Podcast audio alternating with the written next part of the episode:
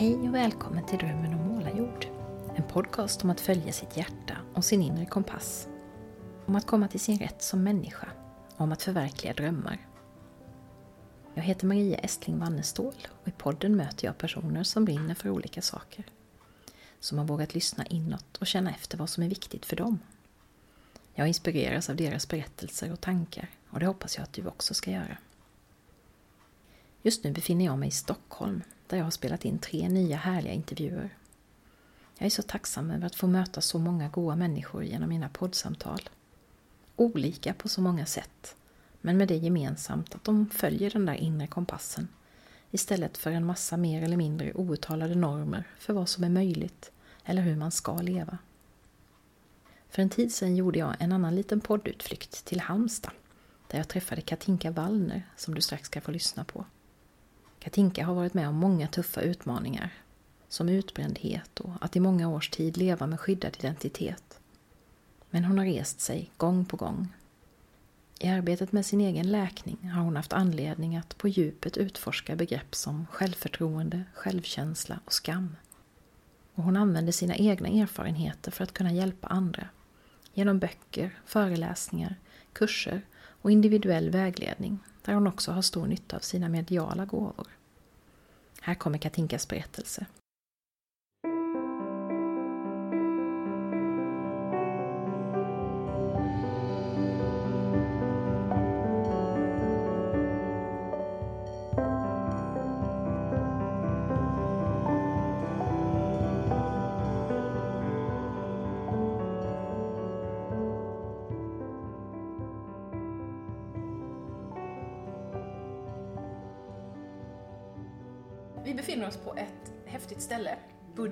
Halmstad. Och jag känner när jag klev innanför dörren här liksom, hur andningen direkt gick ner i magen. Vill du beskriva var vi är någonstans, som inte varit här? Ja, eh, vi befinner oss i en K-märkt lokal eh, i mitt kära Halmstad som jag för övrigt har flyttat tillbaka till ganska nyligen. Efter att ha varit i exil i 30 år till och med. Ja. Eh, så för mig är det dubbelt eh, underbart att vara här. Men här inne bedrivs det då verksamheter som meditation och healing, föreläsningar, allt som har med personlig och andlig utveckling att göra. Och jag gick och sneglade lite på den här lokalen och gick förbi, för jag bor ganska nära här eh, i ett tillfälligt boende just nu. Och blev väldigt kär bara genom att titta in genom fönstren. Så jag tänkte jag måste in och kolla om det finns möjlighet att hyra in så här. Eh, och för att göra en lång historia kort så gick det. Och jag var här och jag träffade de som eh, hyr lokalen då. Och när man väl kom in så var det ännu mer underbart än det såg ut utifrån. Så att det är verkligen så. Det är speciella energier här. Mm. Och man känner att man blir både lugn och samtidigt, jag blir i alla fall väldigt lycklig också. Jag känner mig Ja. väldigt fri här inne på Ja, något men sätt. det är det där energifylld på något vis. Den, Ja. den där allra häftigaste kombinationen egentligen av att Mm. samtidigt vara lugn och känna den där ja, Mm. kicken på något sätt. Mm. Det är spännande. Det är viktigt med eh, rätt energi i Ja. lokaler Mm. faktiskt. Mm. Det är det. Det kan vara så otroligt olika. Mm. Och det känner man ju direkt när man kommer hit som, Mm. som besökare då, Mm. om det är den typen av eh, känsla som man är ute efter. Du Katinka, Mm. vem är du? Det här brukar vara en svår fråga att svara på, men om du skulle berätta lite kort om dig själv, Mm. vad skulle du säga då? Eh, jag är en väldigt passionerad, kreativ och eh, jag vet inte om jag själv kan säga att jag är inspirerande, men jag vågar nog faktiskt stå för det. Inspiration är mitt ledord kan man säga. För att jag vill inte gå och bära andra människor, vilket jag gjorde under en period. Bar andras känslor. Utan jag har liksom tagit klivet ur det där att gå och bära och istället inspirera. Eh, Och jag tror att många som arbetar med personlig eller kanske andlig utveckling som jag ju gör, förutom att jag skriver böcker, eh, hamnar lätt i det där att man går och bär andra människor eh, och i grunden handlar det om att man önskar och längtar efter att bli buren själv känslomässigt eh, på ett omedvetet plan.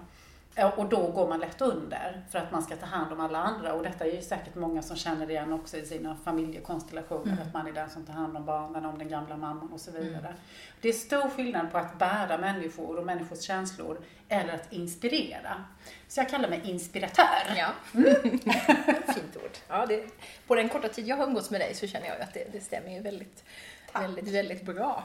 Eh, och du, eh, den här podden den handlar ju mycket om det här, att gå sin egen väg, hitta sig själv, hitta sin kompassriktning eller sina kompassriktningar. Och hur har det varit i ditt liv? När, hur hittade du dig själv? Ja, alltså jag har ju varit, varit igenom mycket eh, traumatiserande saker, men jag har också varit igenom väldigt mycket roliga saker. Och för mig är det nog lite grann så att det har varit två riktningar i mitt liv. En halva av livet som handlade väldigt mycket om att utforska självförtroendet och bygga upp det. Och då hade jag väl liksom en, vad ska man säga, inre röst att följa eller en, ett inre tryck att, att liksom våga eh, våga helt enkelt. Mm. Våga göra saker i det yttre eftersom jag som barn var väldigt blyg och väldigt rädd och väldigt tillbakadragen. Vilket man inte kan tro med tanke på hur mycket jag babblade för tiden. så det fanns, jag hade jättemycket att ta igen. Ja. Liksom. Eh, men, eh, och sen så kom det då en annan eh, fas två i livet då, jag befinner mig förmodligen i fas tre nu då, men fas två var då utforskandet av självkänslan och att mer liksom grunda inåt i vem mm. man är. Liksom. Så att det, det har väl varit liksom olika olika drivkrafter mm. helt enkelt. Mm. Och på ett sätt så tror jag nog att många kan känna igen sig i det när man växer upp så är det ju väldigt mycket självförtroendet man utforskar. Det handlar väldigt mycket om att göra. Eh, men fler och fler har ju börjat vakna upp för det här just då med, med självförtroende och självkänsla. Och eh, det som jag ju då har liksom hittat då som, som ligger som en väldigt djup blockering just till självkänslan är ju det här med skam, mm. att skämmas över vem man är innerst inne. Mm. Eh, och, och, i och med att man gör det då och inte riktigt vet vem man är innerst inne och inte tror att man är okej okay innerst inne så blir man en doer istället. Så att man gör en massa saker, man presterar, man är den duktiga mamman eller duktiga på jobbet eller karriärmannen eller vad man nu är. Ja, just det. Och som grundar sig i att man egentligen var ett barn som ville prestera för sina ja. föräldrar då kanske. Att man för att få, få den bekräftelse ja. man behövde där och då. Så fortsätter man göra så. Sen. Så fortsätter man att leva så, ja. Och så, så var det ju för mig tills det liksom inte gick längre om man Nej. säger så. Men, men samtidigt så det här, man ska ju inte heller förneka självförtroende. Det är ju också något positivt eftersom det ju kan vara en drivkraft att våga. För mig var det ju verkligen så i och med att jag som sagt var väldigt blyg och så som barn. Så att när jag väl då flyttade hemifrån, för det var egentligen där den stora förändringen kom, när jag, när jag var tvungen att, att klara mig själv och faktiskt gjorde det galant då började jag liksom utforska och upptäcka att livet var ju så himla kul. För jag hade fått en bild av att livet var väldigt tungt och svårt och allvarligt och man skulle bara sitta och diskutera det politiska läget någonstans och det var liksom allvarsamt och det var tungt att gå till jobbet och man arbetar i sitt anletes svett och det, chefen är jobbig och sådär. Uh, och så bara upptäckte jag att men gud liksom, det är en massa skoj där ute. Så att jag, jag har ju haft en väldigt sån upptäckarglädje ja, i mig och som har kommit tillbaka nu igen. Jag tycker bara det är så himla kul ja. att leva och ja, spännande. Ja, det är ju det. Det är, det är ett ständigt spännande utforskningsprojekt tycker jag. Eller hur? Så jag blir så glad ibland att åh vad mycket jag har att ja. upptäcka hela tiden. Det är jättekul. Precis. Men du, när du, när du då flyttade hemifrån, då, då vågade du liksom, då släppte du den där blyga Katinka och Mm. kastade dig ut i massa olika... Det, det, var väl lite så att jag var väl egentligen blyg fortfarande och var rädd. Men jag mm. bestämde mig för att trotsa det, att utmana det.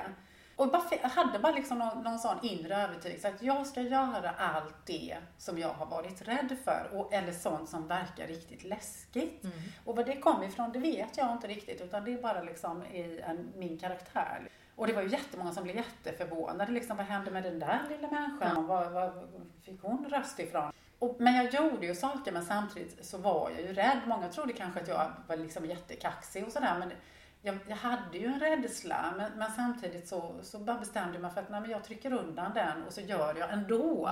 Så att jag liksom åkte iväg som au pair och jag gick en turistserviceutbildning och någon teaterskola och tackade nej till en fast tjänst. Det var ju så att man skulle bo här och man skulle ha en fast tjänst på kontor i mitt fall då och så skulle man leva sig eller så. Och jag bara kände att det här är inte jag, det går nej. inte. Så att jag gjorde revolt väldigt tidigt eh, och då mot min, min far då som inte alls kunde förstå var det nej. kom ifrån. Och efterhand kan själv också bli förvånad för det var, det var en sån liksom, stark drivkraft i mig att jag måste gå min egen väg. Ut, ja. Jag måste göra de här grejerna. och, och sådär. Och sen så småningom då började jag jobba som fotomodell. Det hade jag inte heller fått något stöd i eller hört liksom någonsin när jag växte upp att man såg ens okej okay ut. Så det var ju en lång process att våga göra det. Ja. Uh, men det, det, har ju, alltså det har ju varit världens kurs i personlig utveckling. Ja. Tio år som fotomodell utomlands. Liksom. Mm. Man var verkligen tvungen att möta sina rädslor. Mm. Så jag är jätteglad att jag var den modiga tjejen ändå någonstans. Ja. Sen hamnade du i en destruktiv relation mm. som mm. det tog, alltså du tog dig ur den men du hade två parallella liv kan man väl säga då, för du var å ena sidan framgångsrik, företagare och så vidare och samtidigt så levde du under skyddad identitet. Mm. Hur, kom det, hur blev det så? Varför? Nej, det, det var väl då lite, in, äh, som jag sa inledningsvis där, att, att jag hade då utforskat äh, självförtroendet och gjort en massa saker. Och så småningom då känt att det fanns ju saker inuti mig som behövde läkas. Bland annat var jag eh, fysiskt sjuk mycket, mycket influenser och det var penicillinkurer och mycket stress och sådär. Så jag började gå till alternativterapeuter, liksom hamnade sådär fast genom att någon tipsade då och sen så hamnade jag mer och mer i det. Och upptäckte att det här är min värld. Mm. Eh, och, och, och, liksom fick en bok i min hand om tankens kraft. Det var väldigt nytt där, 80-90 precis. Eh, 89-90 någonstans, men började med det och, och började jobba med visualisera och sånt. Och bara wow, det här funkar ju liksom. Och visualiserade ett hus på landet när jag kom hem då från åren som, som fotomodell och jag visualiserade grannarna och allting. Alltså exakt så. Jag tänkte, men hallå! Det här måste ju alla veta någonting om. Och sen parallellt gick jag då och, och läkte mycket den här liksom dåliga självkänslan jag hade och anledningen till att jag var sjuk och sådär och kom ju in då på friskvård och utbildade mig till yogalärare och, och fick ju då bland annat då eh, en av de största kunderna direkt, vilket var AstraZeneca. Mm. Så jag var yogalärare där och sen så hade jag gått en eh, skrivarkurs en sån här, en tvåårig utbildning faktiskt, eh, där jag bara ägnar mig åt skrivande. Och skrivandet har mm. alltid funnits med mm. mig, ända sedan jag var ganska liten. Mm. Och, och, redan som litet barn så var min dröm att bli författare. Ja, mm. precis som för mig. Var det det för dig också? Ja, underbart liksom, att man bara redan då kände. Ja, och jag brukar säga det till folk också, gå tillbaks till vad du drömde om ja. som barn så hittar du någonting. Du hitta mycket. Ja, visst. visst är det spännande? Nej, så att jag startade ju företag där, friskvårdsföretag och skrivande och, och de här kurser i kreativt skrivande och hej och Och hade liksom full koll på livet trodde jag ju då. Och som jag brukar säga då, hade ett kraftigt Jesuskomplex. Skulle ju då liksom frälsa hela världen och mm. alla skulle lära sig hur fantastiskt det är eh, och, och, visualisera och skriva och yoga och allt det här. Allt vad man kan med tankens kraft. Så att jag trodde jag hade ju liksom kommit till någon slags mål där och, liksom, ja. och nu så, så är det bara motorväg resten av livet. Och sen går jag in då i den här relationen, för att liksom, det var väl det enda som saknades var ju mannen i mitt liv. Och sen slutade det eh, väldigt snabbt. Jag lämnade ju den här relationen väldigt snabbt för jag insåg ju att, att det, det var inte en bra relation, det var en farlig relation. På bara väldigt kort tid, så ett år liksom, plötsligt befinner jag mig på flykt då, ja. gravid i åttonde månaden och ska föda en bebis, mitt, mitt första barn. Jag har, har liksom flytt då ut på landet till, till något hus där då eh, och eh, har liksom en helt annan verklighet än den jag precis har lämnat. Och jag kan liksom inte, jag kan, kan inte få ihop den här bilden. Nej, det är två parallella ja. spår där. Så plötsligt så är jag då i, i det här då att, att det var som att leva i en galen James Bond-film där jag var jagad av allt och alla och exet och myndigheter som då ville registrera honom som far till mitt barn och det fanns kidnappningshot och det var allt möjligt. Och eh, så hade jag ju precis varit liksom den här framgångsrika människan med sitt företag. Och jag kunde inte få ihop det. Men vad som började där och då i den krisen, det var ju så småningom att jag började utforska och läka eh, min självkänsla. Mm. Det förstod jag ju inte då. Och det var ju en väldigt lång process full av rädsla och det var många år, det var tio år vi bodde mm. på skyddad adress. Men eh, så småningom så, så tog det sig uttryck i ett eh, inre läkande då som dels gjorde att jag började ta hand om, om andra människor och mm. jag utvecklade mycket gåvor som jag hade med mig som jag inte hade förstått som barn för att locket hade legat på rätt mycket. Mm. Eh, medial gåva och healinggåva, förmåga att, att se och läsa energier och se människor. Eh, så jag började ta emot människor och blev väldigt bra på det, men det fanns inte utrymme att läka mig. Eh, och till slut blev jag tvingad av livet, som ju ofta blir, mm. att göra det. Jag gick in i väggen för tredje gången. Och egentligen var det ju en enda sammanhängande gång. Liksom. Mm. Men då tvingades jag att på djupet ta reda på vem jag var, varför jag hade hamnat i den situation jag hade hamnat i och eh, vad meningen var med allt mm. detta. Mm. Så du tog dig ur detta? Det, då tog jag mig ur det. Det låter ju nästan omöjligt när man, ibland när man ser hur vissa människor kan ta sig igenom det ena ja. tunga efter det andra. Men ja. ändå. Jag kan känna det och jag brukar säga det och jag kan känna sådär ibland för när man har varit igenom något sånt, det finns ju ett före och ett efter. Antingen blir man offret mm. och så mm. stannar man i offerrollen ja. och jag dömer ingen som gör det. Det är många som gör det. Man klarar inte det och klättra upp ur den där gropen igen. Och jag var ju dessutom helt isolerad för mina föräldrar hade gått bort mm. Eh, precis innan och eh, eh, jag hade förlorat kontakten med mina syskon. Och, så att jag var helt ensam med mitt lilla barn och som dessutom hade kolik och jag sov ingenting och vi flyttade hela tiden och rädslan hela tiden då fanns där. Men, men liksom just det här att eh, för mig var det väl också så att jag kände att dels så var ju verkligen mitt barn var ju det största mm. skälet till att, att överleva och, och, orka liksom. Också så kände jag väldigt tidigt, det finns en mening och det, det, någonstans har jag alltid vetat det inom mig. Även om jag inte är eh, upplärd så eller uppfostrad så. Det finns en högre mening med allt. Mm. För mig är det väldigt tydligt. Mm. Och jag hörde liksom den där inre rösten inom mig som liksom sa, du klarar detta. Lite, kämpa lite till och det, det kommer att gå, du klarar det. Och så kände jag då väldigt tidigt att jag går igenom detta för att jag ska en dag gå ut med det mm. och därmed kunna hjälpa andra. Mm. Så att, ja, och det är ju lite så som man säger faktiskt, nu ska inte jag jämföra min situation med den fruktansvärda situationen, men man vet ju då att under koncentrationslägren i andra världskriget, judarna, att de människorna som upplevde att någonstans fanns någon, någon mening, mm. Det var det som, som liksom höll dem vid liv. Det, ble, det blev någon slags inre muskel att hålla fast vid. För att om man bara upplever allt som meningslöst, då blir det, tror jag, ja, omöjligt att överleva. Nej. Precis. Men känner man att det finns en mening, och, och, jag kände det väldigt tidigt och började skriva väldigt tidigt mm.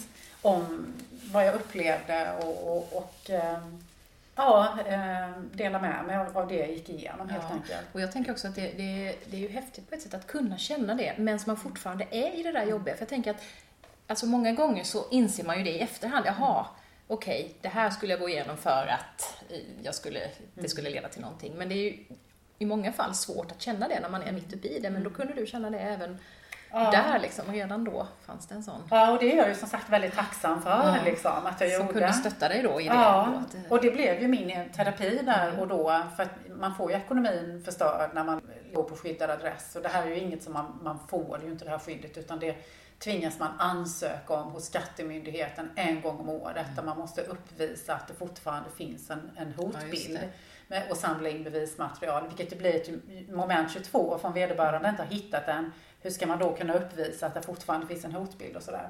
Så att, eh, och jag kände ju inte till något om det. Det var ju helt wow, det var en helt annan värld.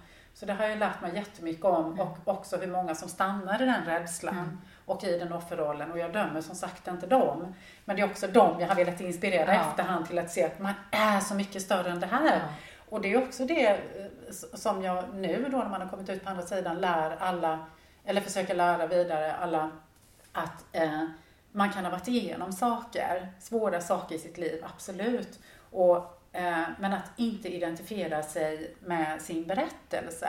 Utan det jag har varit igenom, det har jag varit igenom. Och det är en del av en period i mitt liv. Det. Men det är inte den jag är. Jag kan skriva nya berättelser. Om ja, mm. absolut. Och, och liksom, att separera detta då, den jag är från det jag har varit igenom, är ju liksom en aha, mm. liksom, det är en sån jätteinsikt. Men, men, som sagt, jag kände det redan då att, att nej, jag ska gå ut med det här en dag. Mm. Och, och, och, jag var nästan så otålig då, eller var det? Jag, jag ville ju hela tiden, japp, liksom, nu ska det bli klart här. Och... Just det. Men du skrev ju en bok då, till mm. att börja med, som heter Sluta skämmas och mm. bli fri. Mm. Eh, och det, det kände du då tidigt att det skulle bli mm. en bok just? Ja, ja det gjorde jag ju. Och, och ja, fast så var det en bok då som, som blev skriven, eller ett manus. Men då var jag väldigt oläkt och då hade jag kontakt med ett förlag som var intresserade och jag är jätteglad att det inte blev någonting med den äh, äh, boken. Äh, för att där, där, var jag verkligen just i den där offerrollen mm. som jag pratade om och oläkt och hade inte förstått. Utan det dröjde några år senare tills jag eh, liksom då verkligen hade kraschat på riktigt och gått in i väggen för tredje gången. Mm. Eh, och hittade då att det som jag hade gått igenom hade liksom lett till att jag hade lagt locket på och skämdes väldigt mycket för, för det. För att jag kunde inte då liksom sammankoppla det med den person jag hade varit. Eh, och då tog jag avstånd ifrån det. Mm. Men jag insåg att vägen till läkning gick genom att lyfta på det där locket och utforska alla de där känslorna. Av. För jag skämdes av det jag hade varit igenom. Jag skämdes över hur jag kunde välja den typen av eh, människa som far till mitt barn. Och jag skämdes över att jag inte var den där framgångsrika människan som Mm. jag ju hade en bild av att jag var. Som, som visste och, och kunde och skulle inspirera andra. Hur skulle jag kunna inspirera andra om jag då liksom själv hade gjort de val jag gjorde? Mm. Så att jag började i min läkningsprocess skriva. Och jag, det var egentligen så att jag mötte då en, en före detta klient på en promenad. Eh, jag mådde väldigt dåligt, hade varit tvungen att släppa allt och, och liksom, jag hade identifierat mig väldigt mycket med mitt arbete för jag hade ju börjat då jobba med, med klienter och, och liksom hålla kurser och sådär under de här åren. Försökte resa mig gång på gång och få tillbaka min kraft liksom. Då när jag till sist var tvungen att släppa allt för att jag helt enkelt inte orkade hålla den här karusellen igång med att hela tiden jobba för att få in en inkomst och, och samtidigt inte ha liksom läkt ordentligt. Så, så resulterade det i en sån stor krasch att jag blev tvungen att lämna eh, bostaden där jag bodde och mm, liksom platsen där jag tog emot mina klienter och så. Och så kände jag mig helt tillintetgjord. Liksom, vem är jag om inte jag ska ta hand om andra? Alltså, vem, vem är jag då? Ja, just det. Identiteten var Ja. helt... Och det, det var ju helt, och det, och det är ju jättemånga som delar det, har ju förstått sen. Ja. Eh, att man identifierar sig just som en hjälpare. Mm. Eller som en bärare av andras känslor. Och så gick jag den här promenaden och mötte den här klienten och hon hade varit igenom eh, något svårt precis där hon hade varit tvungen att släppa sitt stora livsprojekt. Och hon sa det värsta är inte att det inte blev någonting. Det värsta är att jag skäms så. Jag skäms så inför alla de som trodde på mig och min idé. Och när hon sa det så gick det rakt in i mig. Mm.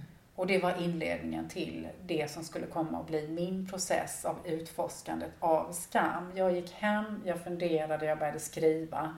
För återigen, det är så jag Mm. fungerar, att jag skriver när jag eh, behöver få syn på mig själv, så att säga. Och så såg jag att det här med skam, dels handlade det om mitt eget, jag skämdes vad jag varit igenom och jag kunde se att detta härledde då till min barndom, där jag inte hade fått liksom vara den som jag egentligen är. Och som jag ju säger då också, att alla är vi ju lite mer eller mindre skadade av vår barndom, vår uppväxt, tyvärr. För att vi blir stympade. Vi får veta att vi får liksom bekräftelse och kärlek om vi beter oss på ett visst Mm. sätt, men inte om vi beter oss på ett annat. Och man kanske inte får ta plats, och man kanske inte ska vara högljudd, och man kanske inte ska vara arg. Det finns väldigt många kvinnor Mm. som har svårt att visa ilska. Som har lättare för att man kanske gråter istället Mm. för att uttrycka att man är arg, för att man blev lärd att det inte var okej som, som flicka att, att bli förbannad visst. helt enkelt. Eh, så att jag såg detta och så började jag skriva och så började jag se då att eh, var min skam kom ifrån och så kunde jag också då se att det här är så oändligt mycket större Mm. än, än mig liksom. Alla går runt och bär på någonting, skäms över någonting, över sitt utseende eller tycker att eh, de inte duger som de är och så skäms de över det eller skäms över hur de är som föräldrar eller på sitt arbete eller skäms över att, de, att det finns psykisk sjukdom, att man eh, är arbetslös eller att man inte har den ekonomiska status just som man har fått för sig att man ska ha. Alltså det Det är finns så universellt. Ja, det är så- det. Det är jätte, jättestort. Så det var inledningen Ja. till eh, helt enkelt min egen livsresa. Och sen boken blev ju då i tre delar. Då en faktadel, en del med övningar och en del med just min personliga berättelse. Så att man skulle kunna hänga upp det här, den här teorin på Mm. något konkret och Konkreta se exempel, ja. Just det här har jag kommit fram till på grund av det Ja. här och det här. Liksom. Mm. Och det känns så centralt tycker jag i alla böcker jag läser av den typen just att det måste finnas en det måste finnas en personlig historia i det på något sätt för att jag ska kunna ta till mig det. Jag har jättesvårt att ja, gör så här om inte det finns någon, eh, någon slags förankring i. i Det är precis så jag känner mig. Och Ja. ofta är det så här, när, när, man lä, när jag läser någon bok, så här personlig utveckling, så brukar man komma så här till slutet och så, så Mm. kanske det står så här liksom fyra sidor, det. författaren berättar själv och ja, det här och det här hände. Ja. Åh! Det och de det sidorna, ja, ja, det var det man behövde höra för att Ja. då blev det plötsligt konkret. Aha! Liksom hen har varit igenom det här Ja. och det är därför man förstår det och det är därför det här begreppet har skapats. Precis, och det blir någon nu slags ödmjukhet i det också, att jag är inte den perfekta människan. Jag har faktiskt också Eller varit hur? här. Och, har jag kunnat, och lite det här att har man kunnat ta, att, att bli inspirerad av att någon har lyckats ta sig ur någonting, eller åtminstone kommit en, en bit på vägen. Mm. Ja, det är spännande. Eh, vad har du fått för reaktioner från eh, läsare på den här boken? Ja, jag Jag fick- Det är många som har känt igen sig i det du beskriver. Ja, jag fick ju fantastiska eh, eh, liksom reaktioner och det är, ju, det är ju det som är så häftigt när man pratar just om det här. För det är ju det, det handlar ju om att våga visa sig Mm. som man är. Att att sluta upp med att skämmas över den man är och våga visa sig som man är och omfamna sig själv och därmed det liv man har. Och när en vågar göra det så vågar andra följa efter och det blir precis likadant för mig att när jag, det som jag, och det är ju så att vi går runt och tycker att ja, men, och det här tycker nog alla är jättekonstigt och det kan jag inte berätta, det kan jag inte berätta. Och det som är jättekonstigt för en kanske inte är någonting för Nej. en annan medan de går och skäms över, åh nej men det är så konstigt. Så att för mig var det ju så att när jag började prata om det här så var det ju som att dra ur en propp liksom. Och det är jättemånga människor som har hört av sig med sina personliga berättelser till mig. Jag känner mig liksom ödmjukt tacksam Mm. för det. Och eh, i början hade jag någon hemlig Facebookgrupp där folk fick dela med sig av sina historier. Och Den, den växte och blev så stor. Tyvärr hann jag inte liksom administrera den. Men det finns alltså ett jättebehov Mm. hos människor att få säga som det är. Men att också i och med att man säger som det är, eh, liksom ser och tar ansvar för en läkningsprocess. Så man inte stannar i offerrollen. Jag har varit med om det här och det är hans fel eller det är hennes fel eller det är mina föräldrars fel. För det blir så ointressant. Ja. Och det var det som var så viktigt för mig när jag började med de här grejerna. Jag vill inte sätta mig själv i någon offerroll. Jag har varit igenom det här och det är så synd om mig. Nej, just det, bitterheten liksom. Nej, precis. Mm. Att, det- att, och liksom, oj, om inte jag hade träffat honom och sådär. Utan detta har hänt mig. Och jag är ju av den övertygelsen att allt som sker i våra liv har en mening. Mm. Det, det är liksom mitt levnadssätt. Och sen får ju andra ta till sig vad de vill utav det. Men eh, jag skulle inte vilja leva om det. Men om jag inte hade liksom varit igenom det jag har varit igenom så hade jag inte kunnat uppskatta livet Nej. på det sätt som jag gör nu. Precis, det tänker jag jätteofta också, Eller som också har gått igenom ganska många tuffa saker. Att, Ja. Men hur hade det varit om inte jag hade haft de här? Och det är det lilla, lilla. Jag kan liksom verkligen känna sådär, jag kan bli sådär helt rörd liksom över, jag kan känna vinden på min kind eller bara känna att åh, jag har de här människorna i mitt liv som, som jag älskar och som älskar visst. mig. Eller här kan jag sitta och dricka en kopp kaffe. Alltså det kan Ja. vara så små Jag kan- saker. Jag kan börja gråta när jag, när jag äter något riktigt gott till exempel. Ja. Så här, Åh, det här Eller är, hur? ja, visst, och som du säger, en kopp te, ett tänt ljus, sådana här jättesmå saker som jag verkligen tror kommer Ja. utifrån det också. Just det. Och, och vi hade också, jag och min son hade ju jättetufft ekonomiskt då. För att jag, jag var ju tvungen att släppa mitt företag och mina kunder och allt och klippa alla kontakter med alla vänner och bara försvinna liksom. För att eh, vi inte skulle bli funna. Eh, och det var ju en ständig kamp för överlevnad då, att klara sig ekonomiskt. Och nu när det har vänt, vi är sån, och där har jag ju liksom, kan jag ju se att det har blivit en gåva till honom någonstans. För gud vad vi uppskattar nu. Tänk mamma, liksom, vad under, nu kommer vi ihåg liksom, hur det var när man gick och handlade. Man skulle gå och räkna hela tiden och lägga ihop enkronorna där liksom. Och tänk om man kommer fram i kassan och det saknas. Det. Och man hela tiden, nej vänta lite nu, vi kan inte ta så mycket kundvagnar. Och nu kan man gå in och man kan handla mat. Mm. Och jag, jag kan bli så rörd bara Ja. och känna detta. Vi, så jag känner en sån ödmjuk tacksamhet som jag hoppas att jag aldrig släpper. Nej. För att jag vet hur det är att inte ha ett hem. Jag vet hur det är att inte kunna äta mig mätt. När det var som värst så kunde jag liksom eh, stjäla toalettpapper på min sons dagis. Liksom. Jag hade inte ens råd att köpa toalettpapper. Eh, Jag vet hur det är att sitta och köra bil och vara rädd och titta, och titta i backspegeln när någon kör efter en. Och det här att kunna vara trygg, Mm. att vara mätt, att ha tak över huvudet, att ha vänner, att ha ett nätverk, att bo i mitt älskade Halmstad som jag är nu. Ja. Alltså jag är så tacksam. Och, och det hade inte jag kunnat se, tror jag, Nej. om inte jag hade varit igenom Nej, just det, för då hade det varit en självklarhet som Precis. man bara tar för givet. Sådär. Så här ska det vara. Och så är det ju. Det är ju ganska, det är ju självklart att, man, att det är så. Mm. För att Mm. Mm, man, man upptäcker ju inte vad man har förrän man Nej. har förlorat Nej, det. Så är det. Mm. Du har gått vidare också och skrivit en bok till. Mm. Och den riktar sig mer mot ungdomar.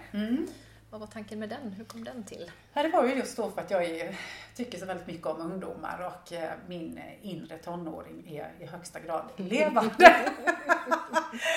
så, eh, men, men boken kan också kan säga läsas av vuxna, för det är väldigt många vuxna som har läst den och tycker väldigt mycket om den. Eh, nu tror jag tyvärr att den är slutsåld. Jag hoppas att det ska, det ska tryckas upp nya ex här. Mm. Men, men tanken var just att för är det något jag har lärt mig, man pratar om fysisk misshandel och man pratar om psykisk misshandel. Men den värsta misshandeln, så som jag upplever det, är den känslomässiga misshandeln. När vi inte blir bekräftade i våra känslor. Och just som tonåring, är det någonting man behöver så är det att få bli bekräftad i sin känsla. Mm. Och det är just det som sker när vi inte gör det och lägger locket på, så som jag ser det. Det är det som leder till självskadebeteende. Det finns, nu har jag ju själv en tonåring hemma och jag får ju höra mycket vad han berättar om, framförallt många tjejer som han kommer i kontakt med, som ju skär sig, eh, svälter sig, har olika liksom eh, sätt att hantera sin ångest på som gör att man skadar sin fysiska kropp. Mm. Och istället för att säga till någon att du måste äta eller du måste sluta skära dig, så ta reda på vad är den underliggande känslan som aldrig har blivit sedd och bekräftad. Så att i boken är det väldigt så konkreta hur man går in i en känsla och hur, hur det är att vara i en känsla. Acceptera att känslan finns, men samtidigt se att känslan är inte den jag är. Så att jag har mycket sånt, den är ganska så rakt på sak mm. liksom. Mm. Att det här, de här övningarna och det här tänket som ju handlar om att, eh, att man i grunden ju då som jag alltid brukar ha det här mantrat då, det finns ingenting som är normalt. Mm. Det finns bara det som är naturligt. Mm. Och att när man då behöver liksom ett verktyg eller ett rättesnöre för hur man går vidare i livet, ställa sig själv frågan, vad är naturligt för mig? Mm. Istället för att lyssna på alla andra och vad alla andra tycker och, och, och tro att det är det som är den rätta vägen. Det. är när vi gör det som det blir fel mm. helt enkelt. Och sen som barn så, så lyssnar vi på våra föräldrar och lär oss och vi lär oss många viktiga saker. Men vi lär oss tyvärr också en hel del SKIT, liksom. Mm. sånt som vi inte behöver och som vi kan släppa taget om efterhand. Och därför kände jag att just unga är en viktig åldersgrupp för att det är där det händer så mycket, det är där vi börjar separera oss från våra föräldrar där vi börjar få kontakt med väldigt mycket känslor, det är mycket som händer i kroppen. Och man undrar verkligen det här, är det normalt? Man mm. går lätt in i det här jämförelsen med andra. Ja, och det finns ju också så mycket, alltså, kanske ännu mer idag mm. än för ett antal år sedan när vi har så mycket sociala medier, just det här ja. med normer och hur man ska se ut och hur man ska ja. leva och, och så. Det, man matas ju med det hela tiden så det är väldigt svårt att stå upp där i det ja. och stå emot det och känna efter vad som är vad är naturligt för mig? Ja, mm. precis. Och då, då, är det som sagt det jag verkligen vill förmedla då, att, att just få in det tänket, vad är naturligt mm. och inte vad som är normalt. För att eftersom alla, precis som du säger, strävar efter att vara normala och det, det finns ju inget som är normalt liksom, utan vi är olika individer. Mm. Och vi har våra olika vägar och vi har våra olika uttryckssätt och vi har våra olika gåvor. Mm. För det skriver jag också mycket om, att alla har vi någonting. Och det behöver inte vara att man ska ut och, och frälsa världen eller vara föreläsare eller författare som jag. Utan det kanske kan vara att ens gåva kan vara att man är väldigt bra lyssnare. Mm. Att man är en väldigt bra person på att skapa goda stämningar och ordna fester eller inredning eller musik eller att man snickrar eller alltså alla har vi någonting. Ja men visst, och det är ju när man hittar det, det är ju då man blomstrar själv och när ja. man blomstrar så sprider man ju också en massa liksom, positiv energi omkring mm. sig. Så det, ja. Det, det, känns otroligt viktigt. Jag jobbar ju också med det, att, att försöka hjälpa människor att hitta det där. Liksom. Vad, är det som, vad är det jag går igång på? Vad är det jag blommar av? Det är liksom. därför den här podden är så underbar, ja. ja. Man blir jätteinspirerad av att lyssna på ja. de andra som du har intervjuat. Och det är just det där, det finns ju så många olika sätt. Ja. Det tycker jag är så häftigt. Det finns så många olika sätt att, att på något sätt, för det är ju det, alla bidrar ju till världen på det viset när man hittar vad man själv trivs med så blir man ju också en bättre kraft i världen på något sätt. Det är som olika tårtbitar och tillsammans ja. utgör en, ja, en, en hel tårta. Och alla har sin unika tårtbit samtidigt som vi är en del, en del av tårtan. Av för, vi är, för det är ofta det att vi upplever oss som så separerade från mm. varandra. Mm. Men, men det är ju det här också där man pratar med självkänsla och självförtroende som egentligen handlar om, som jag uttrycker det då, egot eller själen. Egot är den karaktär vi blir lärda att vara att mm. för att fungera som människor i det här livet. Medan själen bara är. Mm. Och i själen har vi vår längtan och våra gåvor liksom mm. implanterade på något sätt. Och vi behöver liksom våga finna tillbaka till det och liksom negligera den där rädda rösten som dömer både oss själva, mm. eh, alla andra och eh, situationerna mm. som, som sker i livet så som bra eller dåliga. Utan istället känna in i kroppen är det här rätt väg för mig? Ja men det är det faktiskt. Så även om alla andra säger att det här låter ju helt knäppt, så gör jag det ändå. För jag känner i magen att yes, det är Visst. min väg. Ja, Liksom. ja, precis. Och det gäller ju så mycket. Det, är ju, det är både i stort och smått, tänker jag. Det är både liksom vilka livsval man gör liksom, när det gäller boende och yrke och sådana saker, men det är också de där små valen man gör att göra det på sitt sätt istället för att lyssna på vad normen, jag tänker på, ja, som yoga meditation till exempel, som jag har hållit på mycket med. Just det här att, att våga tro att ja, men som jag vill ha det, det, det, är rätt för mig. Det måste inte vara på ett visst sätt för att någon guru har sagt att det ska vara si eller så, utan jag kan känna in min väg i det. Så jag tänker att det, det spiller över på så många Ja. områden i livet om man väl vågar börja tro Absolut. på det där, att man själv har svaret på det. Ja, men, och det är precis det som jag brukar försöka nu lära ut i, mina kurser och sådär och föredrag. Att, att finn din egen guru. Mm. Finn din inre guru istället för att vi hela tiden lyssnar på alla andra och så tror vi att men de har ett färdigt koncept där. Ja, det är klart att de har, men det är ju baserat på dem Ja, visst. Och att alla kan skapa något eget. För vi tror ju hela tiden, åh, jag ska gå den här utbildningen där och så och så. Och visst, det finns ju många utbildningar som är bra, men det är viktigt att plocka ut de bitar som är bra för en själv och sen skapa Exakt. något eget. Istället för att kopiera alla andra, för då blir vi ju kopior. Ja. Nej, men så brukar jag också tänka, alltså ett smörgåsbord, livet är liksom ett Mm. Smörgåsbord och så gäller det att plocka de delar och så bygga sitt eget, sin egen lilla buffé på något sätt sådär. Absolut. Och att, att våga lita på att jag vet innerst inne vad som är bäst för mig. Just det. Och det är just när jag är mig själv som livet också liksom understödjer mig och för mig framåt Mm. och liksom det blir lätt. För när jag försöker gå en väg som någon annan har gått, Ja. då blir det svårt just för att den, den vägen är ju rätt för den personen. Men inte nödvändigtvis för mig. Nej, nej, just det. Du, jag tänkte också på det skönlitterära skrivandet. Vi har ju Mm. medverkat i samma novellsamling. Ja, Tänkte vi. Eh, Och hur, hur ser du på det jämfört med det du har skrivit eh, innan? Har det, det har liksom alltid funnits där också lite som ett spår? Har du Mm. tankar om vad du vill göra av det? Det är jätteroligt att du pratar om det för jag känner ju en jättelängtan att hålla på mer med Ja. det. Det är bara att jag har så himla mycket Ja, annat det att är det. berätta jämt liksom. Och så håller jag ju på med min tredje bok här nu också Ja. som handlar om energi. Som, Ja, just det. Det, det är en fackbok också. Det inte- är också mer ja, om personlig utveckling kan man säga. Mm. Eh, lite det här om att hitta sin egen inre guru. Mm. Men jag har ju alltid skrivit poesi också ända sedan jag var liten. Och sen så tycker jag om kortprosa. Och det är ju en längtan egentligen att få hålla på mer med det. Mm. Eh, och sen eh, så har jag ju skrivit mycket krönikor. Jag älskar ju liksom det formatet eh, med, med krönikor.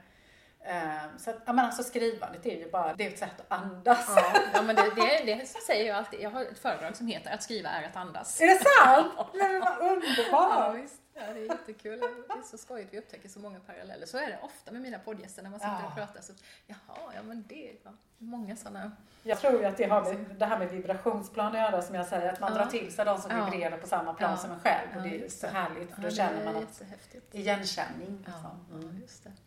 Så jobbar du med att vägleda människor då? Du Mm. nämnde kurser och Mm. healing och, så. Eh, hur stor del är det av din, ditt liv idag? Ja, det är ju hela, hela, hela mitt liv, höll jag på att säga. Ja, och jag ja. föreläser ju mycket. Ja.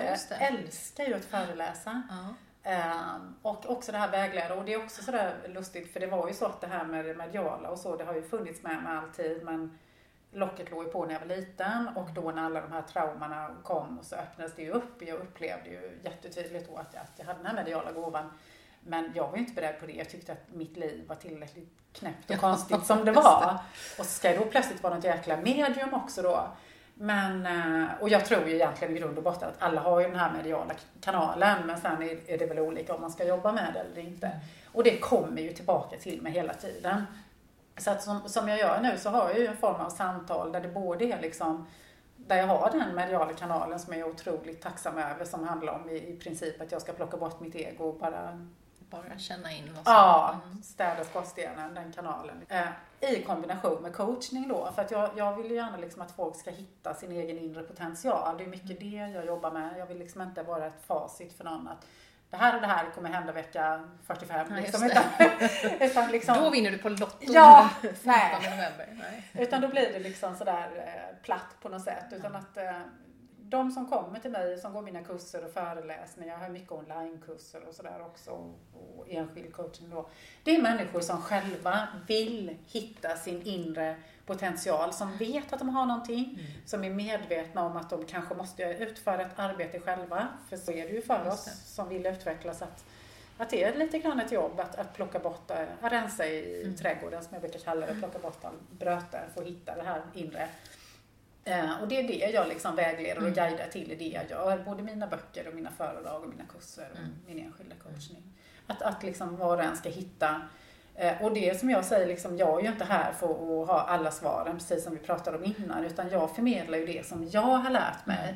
Och hittar man ett litet korn i det och kan jobba vidare så utifrån det, vidare. Ja. så är jag jättetacksam. Så att mitt jobb går ut på att göra mig själv arbetslös, ja, brukar jag säga. Just det. Och just det som du pratade om i början också, att inte bära då någon Nej. annans eh, liv eller känslor utan att inspirera till att ta de egna Det har ju varit en process då i min läkning då när jag insåg, och det var ju för att jag gick och bar i min barndom mm. mycket alla, alla känslor som var obearbetade där runt omkring med andras känslor. Mm. Så det är jätteskönt nu när jag har lärt mig det. Mm. Att det behöver jag inte göra. Jag behöver inte gå runt och ta ansvar. Var och en har ju ansvar för sitt liv.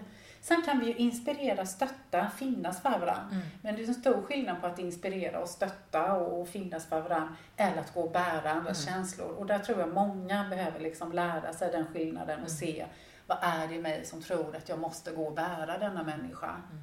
För, för så är det ju faktiskt inte att vi måste det, utan var och en har ett val att ta tag i sitt eget liv. Såvida inte det handlar givetvis om barn, som man, mm. små barn man behöver ta hand om. Det är ju en process liksom. Men förr eller senare så får vi själva liksom veckla ut våra vingar och flyga. Mm. Mm. Ja, häftigt. Har du några framtidsdrömmar? Du har ju gjort så otroligt, jag tänker herregud vad du har hunnit med under ditt mm. liv. Mm. Du har gjort otroligt många olika saker. Men finns det sånt du fortfarande ja, känner att du skulle vilja? Jättemycket! Ja. Jag har så, åh, och jag kan liksom känna mig sådär ibland som om jag är liksom 15 bara wow, hela ja. livet ligger öppet. Jag vill göra så jätte, jättemycket. Jag vill ut och föreläsa ännu mer. Mm. Och jag vill ju ut liksom på en större arena. Jag skulle jättegärna vilja ut utomlands och, få, liksom, och bara skriva, alltså jag vill skriva hur mycket som helst. Jag har ju miljoner böcker i huvudet och grejer, idéer och, och sådär, projekt. Så att föreläsa, skriva böcker men också globalt och, ja. och liksom just att, att få lov att fortsätta vara en inspiratör. Mm. Överallt där jag kan och dit jag blir vägledd och där jag får lov att vara liksom. Mm. För det är en sån gåva att få göra det. det. Det ger mig så mycket när jag ser det här liksom ljuset tändas i andra och ser att, att det landar in. Wow, jag, jag kan ju också, kan hon kan jag. Så mer, mer av det jag gör kan man ja. sammanfatta det som. Ja, ja vad härligt. Tack så hemskt mycket för att jag fick komma hit till Buddha Bar och träffa dig. Det var jätteroligt att lyssna på dig och prata med dig. Tack ska du ha, att jag fick vara med.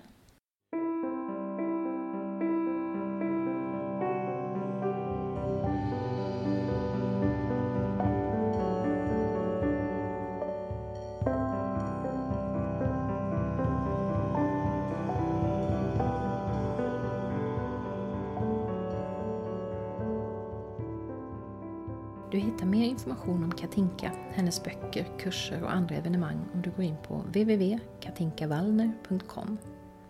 Jag följer just nu Katinkas fina onlinekurs i att utveckla sin andliga och mediala sida. Jo då, en sån har vi alla, precis som Katinka säger i vårt samtal.